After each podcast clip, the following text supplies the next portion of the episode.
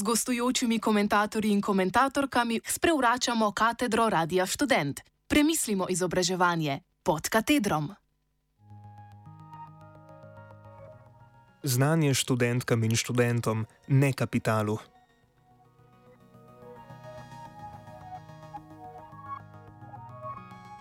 Kdo se še spomni Bergama?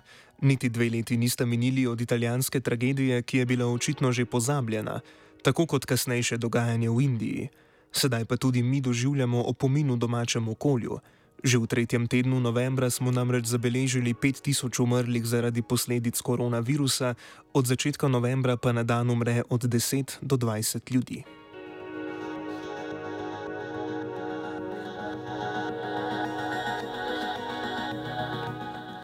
Vodja oddelka za intenzivno nego Matjaž Jereb napoveduje nepotrebno smrt 400 ljudi, ki jo v veliki meri predstavljajo naše babice, prababice, detki in pradetki, izkazalo pa se je, da izjema nismo niti študentska populacija in mlajši. Podrejanje kompromisom med družbenimi in zdravstvenimi interesi oziroma podrejanje kapitalizmu nas je vodilo v neupoštevanje zdravstvene stroke še do današnjega dne. Vlada ne bo zaprla države in ustavila gospodarske dejavnosti, kljub temu, da so bile vse operacijske sobe preurejene v impromptu sobe za intenzivne bolnike in bolnice. Kronično bolni, rakava obolenja, nujne operacije, hudi primeri COVID-19. Žal jih bomo zdravili v tujini, ker mi preprosto nimamo več prostora. Ups. Ali pa bodo izmučeno zdravstveno osebje nadomestili kar študenti in študentke zdravstvenih strok kaj pa smo drugega kot poceni in priročna delovna sila.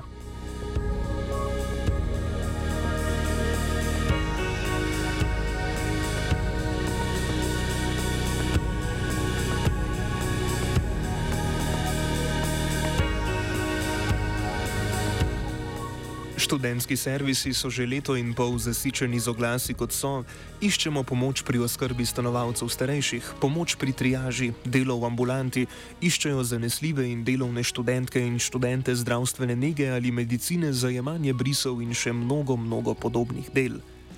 Količino takšnih oglasov bi lahko označili za visoko in zaskrbljujoče. Če bi šlo za delovne izkušnje iz stroke, bi bilo to celo dobrodošlo, vendar ne pozabimo, da imajo ravno medicinske in zdravstvene fakultete že v programu ušteto prakso. Kako naj torej študentka oziroma študent ob študiju obiskuje predavanja, opravlja prakso in nadomešča zgarane zdravnice, medicinske brate, specialiste, ko vemo, da se mladi poleg socialnih stisk soočamo tudi s porastom duševnih stisk in samomorilnosti?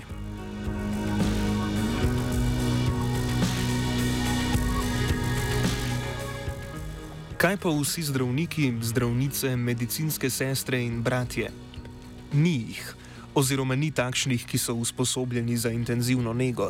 Tako kot ginekolog ni specializiran za srčna obolenja, tako družinska zdravnica ni specializirana za delo na intenzivnem oddelku in reševanje zapletov, pri katerih prihaja med, pri katerih prihaja med zdravljenjem COVID-19 brezmočno stojijo ob strani, ko država preko vojaških poslov kupuje medicinsko in zdravstveno osebje. Klici na pomoč tujemu medicinskemu osebju, da preprečimo nepotrebne smrti, žal ne bodo zadoščali.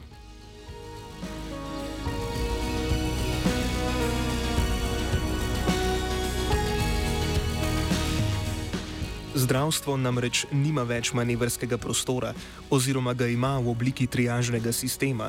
Triaža je sistem razvrščanja bolnikov, poškodovancev v skupine glede na vrsto in težo poškodbe, obolenja, nujnost obravnave, kar se niti ne sliši tako kruto, kakor dejansko je.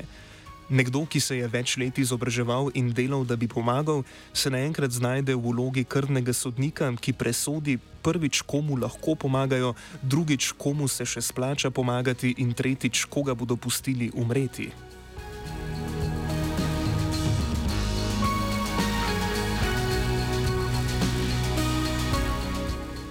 Imenitno je ministru za zdravje Janezu Poklukarju govoriti o tem, kako je treba le nadaljevati z obstoječimi ukrepi, ker se nikoli ne bo znašel v takšni vlogi. Navadili smo se, da je politika pozabila na nas, študentke in študente in izobraževalni sektor nasploh, sedaj pa je pozabila kar na dobrobit celotne države.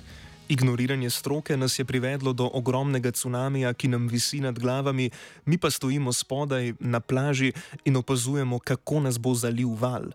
Razlika je v tem, da imamo nekateri rešilne jopiče, skoraj polovica pa je še vedno brez njih po lastni volji. Živimo v neverjetno privilegiranem času, v katerem ne samo, da so bolezni kot so črne koze, otroška paraliza, oslovski kašelj in tuberkuloza spomin oziroma nekaj že zelo pozabljenega.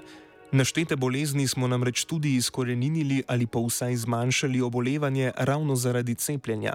Danes pa imamo celo dostop do sedaj najvarnejših cepiv, ki so mogoča, pa jih mnogi zavračajo.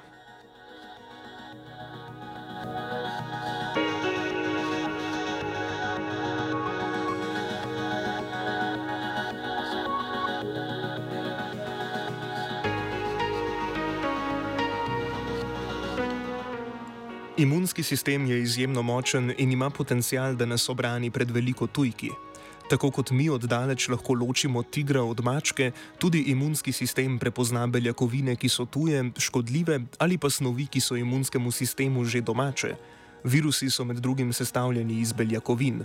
V mRNA cepivu pa se nahaja zapis za specifično virusno beljakovino, ki po cepljenju nastaja v telesu. Telo novo nastali protein prepozna kot tujega, zanj naredi proti telesa in ga tako uniči, mRNA molekula pa se razgradi.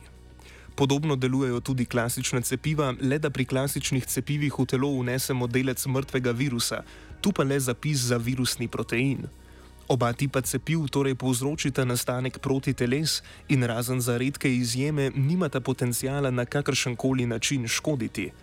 Ali bodo ta anti-vex val res rešili plakati v smislu: Cepila sem se, ker imam rada svojo babi, ker hočem na koncert. K dvigu precepljenosti bi verjetno bolj pripomoglo strokovno in znanstveno komuniciranje na nivoju, zaupanje v državno strokovno skupino, ki to počne sedaj, pa se je izgubilo že ob nastopu delovanja.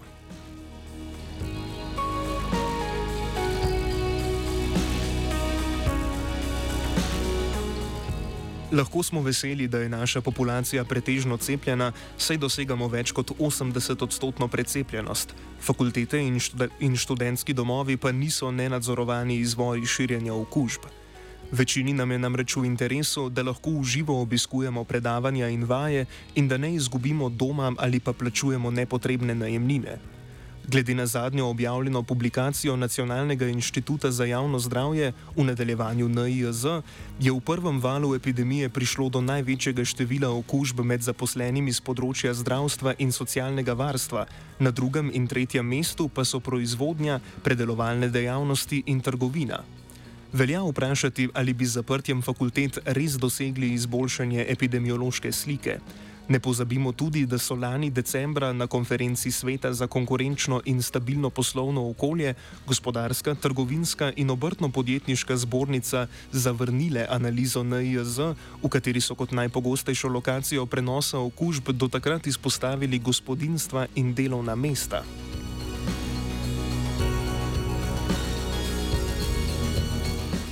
Kje so glavna žarišča okužb in ali so ukrepi temu primerni? Izobrazba namreč ne bi smela trpeti na račun gospodarstva in kapitala.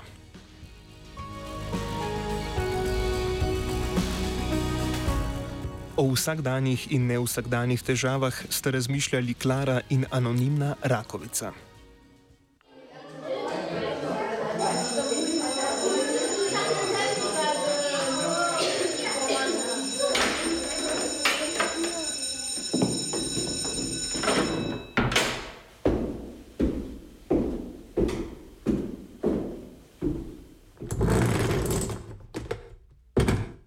Gostujočimi komentatorji in komentatorkami sprevračamo katedro Radia Student. Premislimo izobraževanje pod katedrom.